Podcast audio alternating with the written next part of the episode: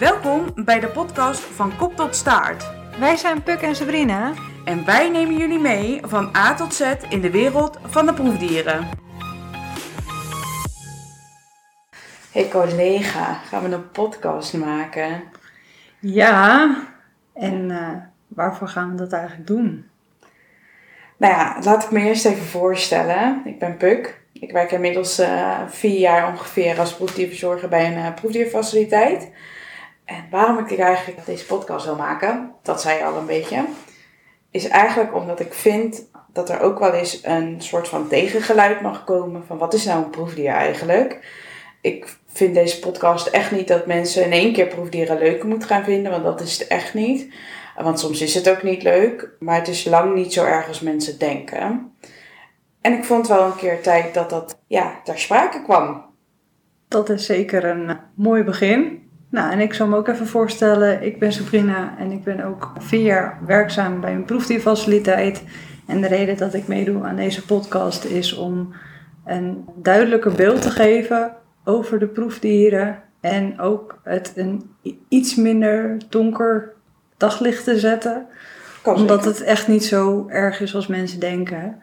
We zien alleen maar de, de oude beelden voor ons met apen die vastzitten, muizen in potjes. En dat is het echt niet meer. Nee, snap. We hebben namelijk een beetje uh, vragen voor elkaar uh, bedacht.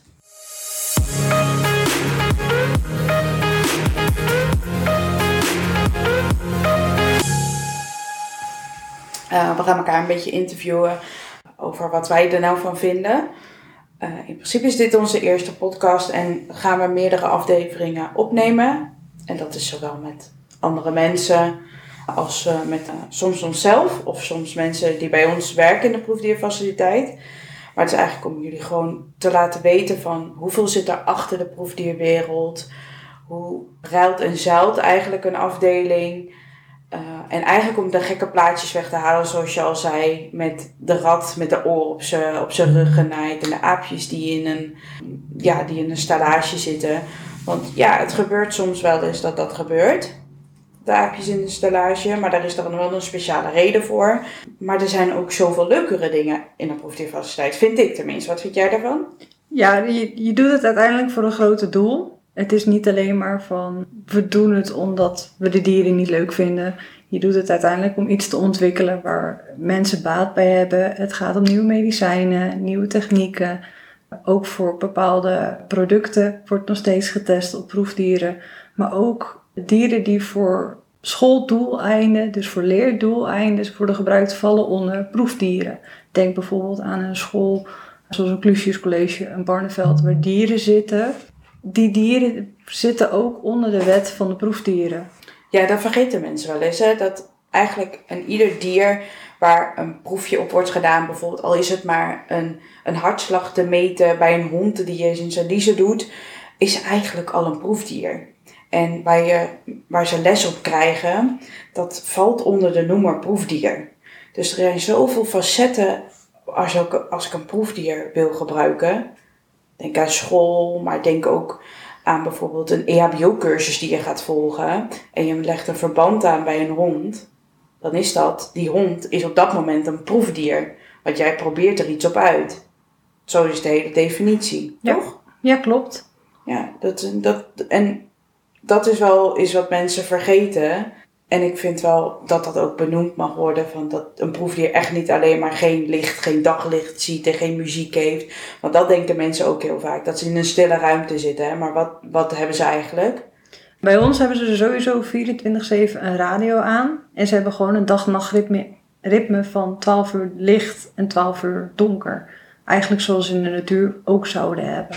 Ja, en volgens mij zitten ze zitten altijd bij ons onder standaard eh, waarden. Dus altijd 21 graden. Ja. Dan denk je heerlijk om in te werken. Nou, soms is het ook wel eens lastig hoor. Als het zo heel warm is, dan is het bij ons echt heel heet. Maar dat, uh, ja, dat nemen we voor lief dan. Maar hoe ben jij eigenlijk terechtgekomen bij, uh, in de proefdiersector? Nou, ik ben eigenlijk vanuit de dierverzorging gekomen. En een vriendin van mij die gaf aan dat ze uh, ja, een specialisatie naar proefdier had gedaan. En ik was op dat moment op zoek naar wat anders. En ze kwamen met een BBL-opleiding uh, vanuit de faciliteit voor proefdierverzorger. Nou, daar heb ik me eigenlijk voor aangemeld om te kijken van, joh, is het wat voor mij? En nadat ik een dagje mee heb gelopen, ook zoiets van, ja, ik denk dat ik hier wel mijn draai kan vinden. En zodoende ben ik aan een opleiding begonnen en nu werkzaam als proefdierverzorger. Maar jij hebt, neem ik aan, gewoon een, een dierverzorgende opleiding gedaan? Ja, ik heb diermana- diermanagement gedaan. Ja. Maar is daar dan nooit op school van gezegd, goh, hè, we hebben ook nog proefdier eh, die je kan studeren? Nee, bij ons op school werd het toen nooit verteld. Sterker nog, ik kwam er eh, via de opleiding achter dat het onder dezelfde school viel. Waar ik als in eerste instantie de dierverzorging en management heb gedaan. Oké. En, maar heb jij dan, was je, ging je gewoon naar school?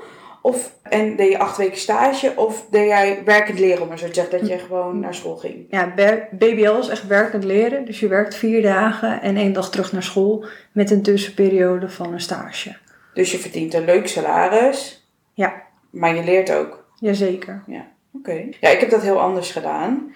Ik ben eigenlijk gewoon terechtgekomen bij mijn dierverzorging en toen moest ik voor specialisatie kiezen, net als jouw vriendin. En eigenlijk ben ik een beetje gepusht door mijn ouders en dat klinkt heel gek, maar ik wilde heel graag paraveterinair worden.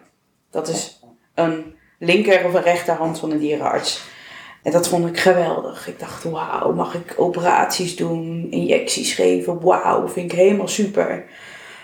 Maar mijn ouders zeiden eigenlijk, ik wilde voor trimmer kiezen. Ik vond trimmer toen, ja, ik dacht ik moet wat kiezen, dus ik kies daarvoor. En mijn ouders zeiden eigenlijk van, Puk, je moet leren prikken als je paraveterinair worden. En dat kan je alleen als je proefdier doet. Dus jij moet proefdier gaan doen, om, dat geeft jou extra informatie en extra leerervaring als jij een proefdier gaat doen. Dus nou ja, onder groot ja, nou oké maar gaan we dat wel doen? En ik heb gewoon echt eerst in de banken gezeten. En ik dacht, waar ben ik aan begonnen? Ik kreeg die boeken voor mijn neus. Ik denk, ja, maar ik had echt geen flauw benul. Totdat ik stage ging lopen, acht weken achter elkaar. En toen pas dacht, toen vielen alle kwartjes. En toen dacht ik, oh, wacht even, dit bedoelen ze. Oh, krijg, krijg helemaal, dit is het. Ja. En toen ging ik, ik heb natuurlijk de, eh, de opleiding paraveterinair afgemaakt, want ik wilde het uiteindelijk worden. Maar toen ik eenmaal in de praktijk was, dacht ik, maar dit is helemaal niet wat ik wil. Ik wil injecties zetten en dat mocht ik als paraveterinair toen de tijd helemaal niet. Ik mocht achter de balie zitten en vlooienmiddel verkopen, 500 stuks per dag. En toen dacht ik, ja, maar ik ben in de proefdiersector veel meer gewend. Ik mocht eh, injecties geven, ik mocht eh, eigenlijk de advocaat van de duivel zijn om te zeggen van stop, ho, tot hier niet verder. Ja. Dat vond ik. En toen dacht ik, oké, nu draag ik wat bij als ik in de proefdiersector werk. Dus toen ben ik eigenlijk teruggegaan.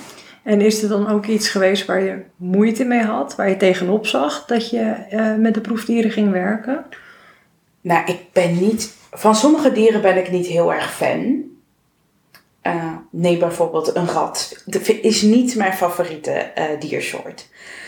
Maar daar moet je wel mee leren omgaan. Dit moet je wel gewoon behandelen. Want het is ook gewoon een dier. En tuurlijk zie je schrijnende dingen dat je denkt: Oh, ik wou dat ik je kon helpen. Of dan zie je er een en zeg je: Oh, sorry vriend, het spijt me. Dan is het wel even dat je denkt: Dit vind ik echt wel minder. Maar je moet altijd in gedachten houden, vind ik persoonlijk, waar je het voor doet. Wij werken, want wij zijn collega's, werken bij hetzelfde bedrijf. Wij doen het voor het kankeronderzoek. Ja. En als je daar continu bij na blijft denken van dit dier helpt mensen die kanker hebben of hebben ge- gehad om sneller te werken, om ze beter te begrijpen, dan denk je oké, jullie zijn wel voor een goed doel hier. Ik behandel jullie of ik verzorg jullie met een doel. Ja. En dat vind ik, wij zijn niet lukraak ja, muizen aan het behandelen omdat we het leuk vinden. Nee. We vinden het interessant. Ik weet niet hoe jij daarover denkt. Jazeker, ik ja, deel deze mening eh, zeker. Ook met betrekking tot het feit dat ik zelf kanker heb gehad. Maar daar zullen we over in een andere podcast eh, zeker verder over praten. Maar het is zeker, het, dier mag er niet onder lijden Maar uiteindelijk doe je het voor een doeleinde om iets te bereiken. En het kan dan, zou niet voor jezelf misschien van toepassing zijn, maar uiteindelijk wel voor dierbaren en mensen in je omgeving. Ja. Want hoe vindt bijvoorbeeld jouw familie dat je dit bent gaan doen? Hoe, hoe staan hun er tegenover? Nou, mijn ouders die waren eigenlijk heel uh, sportief. Die hadden zoiets van, ja, leuk als jij dat, je daar je interesse in vindt, ga dat ook zeker doen. Nou, mijn opa en oma die vragen iedere keer, en hoe is het met de muizen? Wat hebben jullie alweer ontdekt? En die zijn heel geïnteresseerd. Alleen ik merkte in mijn vriendengroep dat er hier en daar toch wel wat tegengeluid kwam van... Ja, maar je bent een dierverzorger. Waarom ga je dan met proefdieren werken? Omdat het wordt nog steeds gezien als een soort iets als een dierenbul. Terwijl je het eigenlijk puur doet om voor die dieren te zorgen. Omdat een onderzoeker dat niet doet. Ja, want ervaar je, eh, tenminste, vind je zelf dat je een dierenbul bent? Of heb je moeite met sommige dingen? Ik ik vind niet dat ik een dierenbul ben. Ehm, maar ik heb zeker moeite als ik weet van hé, hey, deze hele groep muizen moet weg. Omdat ze bijvoorbeeld niet gebruikt zijn voor het experiment. Of als ze al heel lang staan en je ziet ze week in, week uit. En daarna gaan ze weg omdat het experiment af is. En je moet ze daadwerkelijk afvoeren. Ja, daar heb ik soms echt nog wel moeite mee. Ja, ja, want het is zo. Kijk, wij in de proefdierwereld willen natuurlijk eigenlijk ook zorgen dat er zo goed mogelijk iedere muis gebruikt wordt, om maar zo te zeggen, voor het onderzoek. En het is, wij fokken niet lukraak weg natuurlijk, om tientallen muizen op onze afdelingen te hebben staan. We gaan wel echt specifiek gericht fokken, om maar zo te zeggen. Maar het is, het is wel zo dat er soms met dieren gebruikt worden, of niet gebruikt worden, moet ik zeggen eigenlijk, die het liefst wel gebruikt had zien worden. Ja, klopt. En dat zijn van hele oude dieren tot hele jonge dieren. Want hoe oud mag ongeveer een proefdier worden bij ons?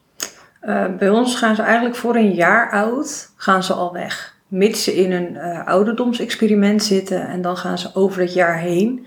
Maar vaak als ze dat jaar bereiken gaan ze er ook al heel snel uit. Omdat ze gewoon ja, ouder worden en ziek worden van uh, degene die ze hebben voor het onderzoek. Ja, want stel nou dat ik eigenlijk een proef wil starten hè? Ja. Eh, een onderzoek. Wat moet ik er eigenlijk allemaal voor doen? Oeh, heel veel. Je mag niet zomaar een proef starten. Dat moet je bij verschillende instanties moet je dat aanmelden. Je moet er bepaalde papieren voor hebben. En je kan het ook zeker niet op ieder dier doen. Want je moet wel kijken naar een dier wat uh, ja, aansluit op je onderzoek. Wat mensen ook denken van, we gebruiken ze maar het is niet aansluitend, dan worden die dieren aansluitend gemaakt. Een voorbeeld daarvan zijn bijvoorbeeld muizen die voor borstkankeronderzoek worden gebruikt, krijgen bepaalde genmutaties die, uh, waarvan we weten dat ze in het, bij mensen borsttumoren ontwikkelen, omdat je een mutatie kan hebben. Dus op die manier wordt ook heel specifiek een, een dier ontwikkeld voor je onderzoek. Ja, dus het is niet zo dat ik een muis in in de, in de dierenwinkel kopen en zeggen: Goh, we gaan hier eens even lekker een borstkankeronderzoek op doen. Nee, dat kan gewoon niet. Die, die, slaan niet genoeg, die sluiten niet genoeg aan op het onderzoek. Ja, dus, dus echt dat specifieke, daar hebben ze wel. Hè? Ja. ja, want je kan ook niet zomaar een, een muis die eventueel levertumoren zou hebben, kan je niet gebruiken voor borstonderzoek, toch? Lijkt me niet handig. Nee, nee, nee, dat lijkt me ook niet. Nee. Um, even een hele andere vraag. Ik ga het hele voor een hele andere boeg gooien. Want wij hebben natuurlijk ook te maken met dieractivisten. Ja, uh, helaas. wel. Ja, wat je zegt helaas. Maar ben je ooit bang dat je bedreigd uh, gaat worden? Ja, ik ben er wel bang voor. Ja, het is nog steeds een heel uh, ja, taboe om als proefdierverzorger te werken. Heel veel mensen zien het toch als een soort van zielig. Je bent een dierenbeul. En het is ook niet iets wat je makkelijk aan een ja, verjaardagskring even vertelt aan iedereen. Van, ja, ik doe dit werk. Want je weet gewoon dat er heel veel mensen tegen zijn. Gelukkig heb ik zelf nog niet meegemaakt dat ik bedreigd ben. Maar ik geloof dat dat voor jou wel anders is. Ja, helaas heb ik uh, er al mee te maken gehad. Ik heb natuurlijk, uh, zoals ik al vertelde, stage gelopen. Ik heb geen BBL-opleiding gedaan. En ik liep toen stage uh, bij een bedrijf. En daarboven was een ja, soort van, van afdakking. En daar waren een paar mensen opgeklommen met, uh, ja, met bussen rode verf. En wij kwamen daaruit. Hoe ze erin zijn gekomen, weet ik niet. En dat, dat hoef ik ook niet te weten. En die hebben ze toen uh, over ons heen gegoten. En uh, ja, toen zijn we weer naar binnen gegaan en hebben gedoucht. En eh, ja, ja, je kan er een heel standbij van maken, maar he- helaas eh, Ja. werkt dat averechts. En eigenlijk, de- daarom wil ik deze podcast maken van, jongens, eh, ja, wij zijn proefdierverzorger. Ja, wij doen onderzoek op dieren, maar we helpen mensen. Deze dieren Ja. kunnen, als ik 20.000 dieren gebruik, ik noem maar even een getal, kan ik wel 50.000 mensen misschien helpen. Ja, dat, dat is de insteek Ja, natuurlijk. En als het je oma is of een ander familielid, dan wil je dat die geholpen wordt, neem ik aan. Ja, zeker. En niet alles kan ik zo lukraak in de, in, in de boeken vinden of wordt zo per ongeluk gevonden, net zoals ze penicilline hebben gevonden. Ja. Maar moet er gewoon getest worden. Ja. Dat is, want ja, ik weet niet, zou, zou, weet jij ongeveer hoeveel hè, tussen haakjes proefdieren je gebruikt per dag? Per dag, eh, per experiment is misschien een ander iets. Nee, maar gewoon op je, in je persoonlijke leven, gewoon zonder je werk? Poeh, ik denk heel veel. Omdat mensen eh, ja, er ook niet bewust van zijn dat in alle producten die wij eten zitten E-nummers. Nou, dat is om te zorgen dat ze natuurlijk goed, ja, langer goed blijven en dat het beter blijft. Maar al die E-nummers zijn ook daadwerkelijk op proefdieren getest. Ja. En ik denk dat eigenlijk ieder product dat je kijkt wel een E-nummer kan vinden. Dus ik denk dat met alles wat je gebruikt in het dagelijks leven, je indirect te maken hebt met proefdieren. Ja, want ik poets, tenminste, ik hoop ook dat, dat onze luisteraars hun tanden poetsen. Hoop ik. Ik, ik tenminste wel. Ehm, maar als het goed is, is mijn tandpasta ook gewoon getest Ja. eh, op proefdieren. Want ja, niemand wil blaren in zijn mond of zweertjes. Dat, dat, kijk, het is, wordt misschien nu niet meer getest. Maar het is ooit in een ver verleden, Ja. in een bruin verleden ergens, wel getest. Ja, En dat geldt ook in een ziekenhuis, bijvoorbeeld met pleisters of verband. Ja. Het wordt misschien niet op het product getest ehm, wat je nu gebruikt, maar 30, 40 jaar geleden, misschien nog wel langer, is dat wel getest. Ja. Maar we hopen ooit nog een keer eh, iemand eh, uit te nodigen in onze podcast die daar veel meer over kan vertellen. Want zoals ik al zei, wij doen onderzoek naar kanker. Ja. Eh, en wij niet onderzoek naar producten of E-nummers of wat dan ook. Maar ik vind het wel heel belangrijk dat als mensen een borrelnootje op de bank nemen, kijk eens naar de achterkant en kijk eens naar de E-nummers en ga zoeken. ja. En vind ze maar eens. En dan kom je toch eigenlijk terecht dat je denkt, oeh, ja. Het is is, heftig. het is zo normaal dat we alles hebben en eh, we vinden dat alles dierproefvrij moet zijn. Maar in het verleden is er zoveel al ontdekt door de dierproeven en is er ook al heel veel ontstaan. En daarom is het nu vanzelfsprekend dat we die producten hebben. Maar die waren er nooit geweest als we geen proefdieren hadden gehad.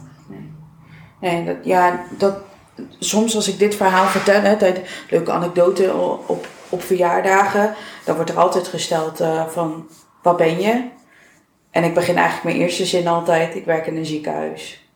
Ja, Want ik vertel nooit straight, ik ben proefdierverzorger. Dat vertel ik nooit. nee, En dan komt meestal de vraag, oh leuk, je zit in de verpleging. vaak wel. Dat, dat is een aanname. ja, dat is zeker een aanname. En dan zeg ik, nee, nee, nee, ik eh, doe onderzoek. Oh, wat voor onderzoek? Nou, dan zeg ik kankeronderzoek. En dan ben ik al vier, vijf vragen verder. En dan denk ik, oké, je blijft hangen. Je blijft hangen. ja, En dan zeg ik, ja, ik doe onderzoek naar kanker. Oké, oké. Oh, interessant. En nou, hoe doe je dat dan? Ik zeg, ja, ik dan, dat eh, doe ik op proefdieren. En dan zie je echt mensen gewoon schrikken en Ja. ademhappen. En als je denkt, jeetje Mina, maar dat is toch hartstikke eng. Ik weet niet hoe jij dat ervaart in jou eh, als je het vertelt. Ja, het is. Het, het, het brengt weerstand. Mensen denken meteen, hoezo met proefdieren? Waarom is dat in deze tijd nog van toepassing? Want dat is het vaak ook, van dat hebben we toch helemaal niet nodig. We hebben toch zoveel eh, ja, vervangingen, verbeteringen die de proefdieren zouden moeten vervangen. Maar het is gewoon nog steeds niet zo. En het is in de Europese wet ook nog steeds zo dat een nieuw medicijn niet verkocht mag worden aan mensen of gebruikt mag worden bij mensen als het niet op een levend dier is getest. Ja. Dus stel, ik, breng een, ik wil een nieuwe soort van paracetamol op de markt brengen. Die moet ik testen. Ja, zou je eerst moeten testen op levende dieren. En dat, dat is echt. Het is niet dat de overheid daar krom mee denkt, maar als ze tegen. Als ik, stel, ik ben jouw teamleider. ben ik niet, hè? ik ben de collega. En ik zeg, Sap, Brina, ik moet helaas jou vertellen dat jij morgen geen baan meer hebt. Wat zou jij dan zeggen? Nou, zolang ik geen baan meer zou hebben omdat we alles kunnen genezen en of we de beste verbeteringen hebben, vervangingen van de proefdieren, geef ik met alle liefde mijn baan op. Want dan is het gewoon niet meer nodig om proefdieren ja, onnodig leed te geven voor doeleinden voor ons. Ja, nee, dat, dat, dat klopt helemaal. Dit, dit, dit, ja, hier staat denk ik iedere proefdierverzorger zo in. Ja. En dat moet niet vergeten worden. Kijk, wij doen dit werk. Tenminste, wat ik vind. Wij doen dit werk omdat niemand anders het wil doen. Net zoals de vuilnisman. Ja. In principe krijgen die mensen heel veel geld betaald. Maar 9 van 10 mensen willen het niet doen, want het stinkt. En uh, ja, er zitten allemaal dingen tussen dat je denkt, gadverdamme. Ja. Dat van ons stinkt wel niet. Dat werk kan wel stinken hoor. Ik kan net zeggen. maar in principe wil ook niemand ons werk doen. Nee. Eigenlijk, nou, laten we zeggen, iedereen wil dierenarts worden, dierenartsassistent, hè, wat ik vroeger Ja. en misschien jij ook wel Ja, wilde worden. Maar dat dat niet per definitie voor ons is. Nee. Wij werken heel hard. Tenminste, mag ik zo mezelf zo zeggen. Voor eigenlijk heel weinig begrip vanuit de buitenwereld. Ja. Voor mensen die het begrijpen, die, die, Ja. die zien dat. Mijn ouders, die zijn super, vinden het super interessant. Ja, mijn ook. En, maar die, die hebben geen benul wat ik doe. Nee. Want bij ons mag niemand zonder een diploma binnenkomen op de afdeling. Nee.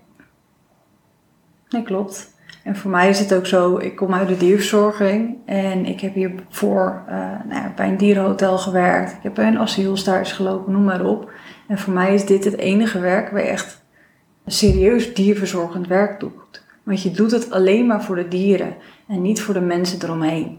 Met een asiel heb je altijd te maken met mensen. In de dierenwinkel altijd, als dierenarts altijd. En dan staat de mens boven het dier. En eigenlijk als proefdierverzorger sta je er letterlijk voor het dier. En als wij iets vinden, dan moet een onderzoeker daar tegenaan vechten. Ja, zeker. Ja, wat ik zei, advocaat van de duivel. Ja. Maar ik vind wel, kijk, jij zei net, de dieren zijn er niet voor de mensen. Ik vind wel dat deze dieren voor de mensen zijn, maar ter verbetering van de mens. Ja. Zoals ik net al zei, ik wil liever 20.000 muizen afvoeren dan 50.000 mensen. Als ik er 50.000 mensen mee kan redden met 20.000 dieren, doe ik het. Alleen onze dieren mag ik voor mezelf zeggen dat die 10.000 keer beter verzorgd worden dan een gemiddeld konijn wat in de dierenwinkel verkocht wordt. Ja, ja eigenlijk als dier, proefdierverzorger leven we onder een soort vergrootglas. Uh, wij moeten alles kunnen verantwoorden waarom een dier ziek is geworden, waarom dit is, waarom dat is. Terwijl een, uh, nou ja, een, een eigenaar van een, zijn eigen huisdier dat niet hoeft. Want een proefdierverzorger, of nee, sorry, een proefdier is eigenlijk een patiënt bij ons. Ja, bij ons wel. Ja. Want nou ja, als je in het ziekenhuis ligt, krijg je zo'n leuk polsbandje op met een barcode erop en ben je een nummer. Ja. Hè? Heel simpel gezegd. Ja. En komt er de zuster langs met een karretje en die scant dat ding en die geeft jou je medicijnen welke je moet hebben. Ja, klopt. In principe zitten er bij ons muizen in een koortje en hangen de labels vo- voorop met de muizen die erin zitten. Die wordt gescand en je kan precies zien wat er met die muis gebeurd is. Ja, en alles wordt ook bijgehouden. Je kan, als je hem scant, de barcode, kan je ook meteen zien van... hé, hey, deze muis heeft dit gehad of dat gehad... of heeft in het verleden al een keer eerder een behandeling gehad. Dat is gewoon allemaal na te zien. Ja, en, maar kijk, het is niet dat we dat zo prettig vinden. Hè? Want eh, dokters en artsen zeggen allemaal van... oh, we hebben zoveel administratief werk. Wij hebben ook zoveel administratief werk. Alleen, wij kunnen in één kooi... in principe volgens onze faciliteit... vijf dieren, dus vijf patiënten... in één bed hebben liggen. Ja, klopt. Dus wij moeten zoveel meer zien. En onze patiënten, als ik onze muis even patiënten mag noemen... die zeggen niet, auw, je doet me pijn. Ja. Of, ik heb mijn linkerteen doet zeer. Ja. Ja, weet je, dat, dat zeggen ze niet. Dus wij moeten alles zien, eigenlijk in een pli- split second. Want wij kunnen in principe meer dan 20.000 muizen kwijt in onze hele faciliteit. Ja. Maar daar zijn reter veel stafleden voor nodig. Ja. Alleen die zijn er niet. Nou, bij ons wat je dan kan doen met muizen is dat ze, en dat weten mensen vaak niet, is dat ze net zoals bij mensen kunnen we gezichtsuitdrukkingen zien. Muizen hebben ook daadwerkelijk een gezichtsuitdrukking als ze pijn hebben of gaan eh, op een bepaalde manier bewegen. Waardoor wij dus al in een heel kort tijdsbestek kunnen zien van hé, hey, er is iets mis met deze muis. En eh, eh, zie je dat dan aan de oren of zie je dat aan de hele... Hoe zie je dat? Dat kan de oren zijn, kan de snorharen zijn, kan de oog zijn. Het is de manier van hoe het staat. Als de oren heel erg omhoog staan naar voren, nou, dan hebben ze pijn. Staan de snorharen heel veel naar achter, is het ook niet fijn. Dus er is heel veel te zien aan een gezichtsuitdrukking van een muis. Maar stel, jij hebt een bak, die doe je open. Kan jij, en er zitten vijf muizen in. Ja. Kan jij binnen drie seconden zien welke muis zich niet lekker voelt? Vaak wel, ja. Maar daar heb je echt een getraind oog voor nodig. Ja, dat is gewoon puur omdat we die muizen dag in dag uit zien. Eh, je herkent ook bepaalde eh, lijnen. Omdat ze bepaalde eigenschappen hebben, kan je heel snel zien van hé, hey, dit is lijnkenmerkend en dit wijkt af. Dus dan kan je al heel snel zien, hé, hey, deze begint ziek te worden, of deze heeft dit, of deze heeft dat. En dan is het nog zo, als we het zien, soms mogen we dan ook niet handelen zoals we willen. Dan moeten we eerst een onderzoeker mailen van, Ja. goh joh, deze muis heeft dit en dit. Waarschijnlijk wordt die dan om een welfare score inge, ingezet. Wij hebben daar verschillende kleuren voor. In deze podcast gaan we later ook nog met onze gasten en ook met ons beiden soms een welfare score doen, hoe we dat vinden. Ja. Wij hebben zelf op het werk rood, oranje, geel en hè, groen, laten we het even zo zeggen. Groen is eigenlijk, niemand heeft er last van. Geel is, ja, hij ondervindt wel een beetje last, maar echt, het is niet zo erg. Oranje is, ah, iets meer last. Onderzoeker moet zeker gemaild worden en binnen een bepaalde tijd terugreageren. Ja. En rood, ja, is eigenlijk alle hens aan dek. We moeten door. Je moet deze dag nog reageren, anders gaan we iets zelf doen. Dat is eigenlijk de rood van de kleur van de duivel. Dan spelen we de advocaat van de duivel. Nou, Maar dan is het voor ons eigenlijk al dat we denken: jijks, dit gaat, is al te ver. Ja, vaak als het echt rood is, dan handelen we eigenlijk al direct, omdat het dan kan gaan om bijvoorbeeld bevallingsproblemen of eh, ja, hele erge bijtwonden. Want het hoeft niet per definitie een code, te, een welfare issue te zijn, omdat het vanuit het experiment komt. Want het zijn nog steeds dieren onderling.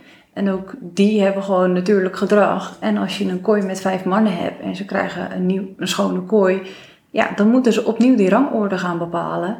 En dan kunnen ze gaan vechten, waardoor je dus ja, uitval kan hebben omdat ze elkaar zo hebben aangegrepen. Ja, en dat is niet dat ze dan eh, met te veel in een kooi zitten. Dat is echt puur rangorde. Net zoals ik met mijn hond naar het park ga. Ik laat drie of vier reuwen los. En die zijn allemaal dominant.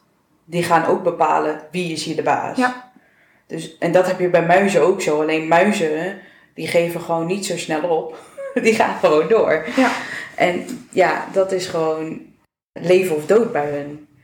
En ja, het is ook wel zo, er wordt in sommige momenten eh, met meerdere maten gemeten. Als ze bijvoorbeeld eh, in, de, in de fok zitten, eh, dan gaan ze er vrijwel heel snel uit. Ja. Want dan is het gewoon niet handig om dat te hebben, want hè, je wil zoveel mogelijk overhouden. In experiment trekken we dat wel eens door, toch? Ja, en dat is gewoon meer ook van hoe lang duurt het experiment nog. En je moet wel actie ondernemen. Eh, als een muis heel veel pijn heeft, betekent dat dus wel, oké, je wil hem nog twee dagen laten staan. Dat mag alleen als jij hem extra pijnstilling geeft. Want je mag het niet zomaar eh, met heel veel pijn laten doorlopen. Dus eigenlijk, en met een heel duur woord, heet het in ons begrip een humaan eindpunt. Ja, jazeker. En dat betekent voor eigenlijk heel, ja, Nederlands gezegd, wij vinden dat je klaar bent. Ja, en vaak is het ook zo dat een onderzoeker van tevoren moet aangeven wat het humaan eindpunt is. Of wat hij denkt dat het is. Dat, ja, Ja. En ook zo'n, onder, zo'n we noemen het een protocol. Ja. Eh, of een, ja, ik, eh, experimentprotocol XP. Ja. Die wordt, gaat door zoveel instanties. We, eh, we hopen natuurlijk dat één gast eh, ehm, daar meer over kan vertellen. Ja. Eh, daar, kijk, wij, wij, wij zien alleen de goedgekeurde. Maar er zijn zoveel die niet goedgekeurd worden. Ja. Of die er zo lang over doen om hem überhaupt goedgekeurd te krijgen. Ja. Want er gaan niet twee paar ogen overheen, maar er gaan wel 60 paar ogen overheen. Ja. En ze gaan door allerlei instanties door waarvan je denkt, jeetje, ben ik nou nog niet klaar? Nee. Het is alleen maar om de welzijn van de muis of ander diersoort goed te houden. Maar ook te zeggen van ja, dit is ethisch verantwoord. Ja. Want eigenlijk doen we proefdieren, gaan we net iets verder dan bij de mens, omdat we dat ethisch beter kunnen verantwoorden. Ja, al zou ik het soms wel anders willen zien.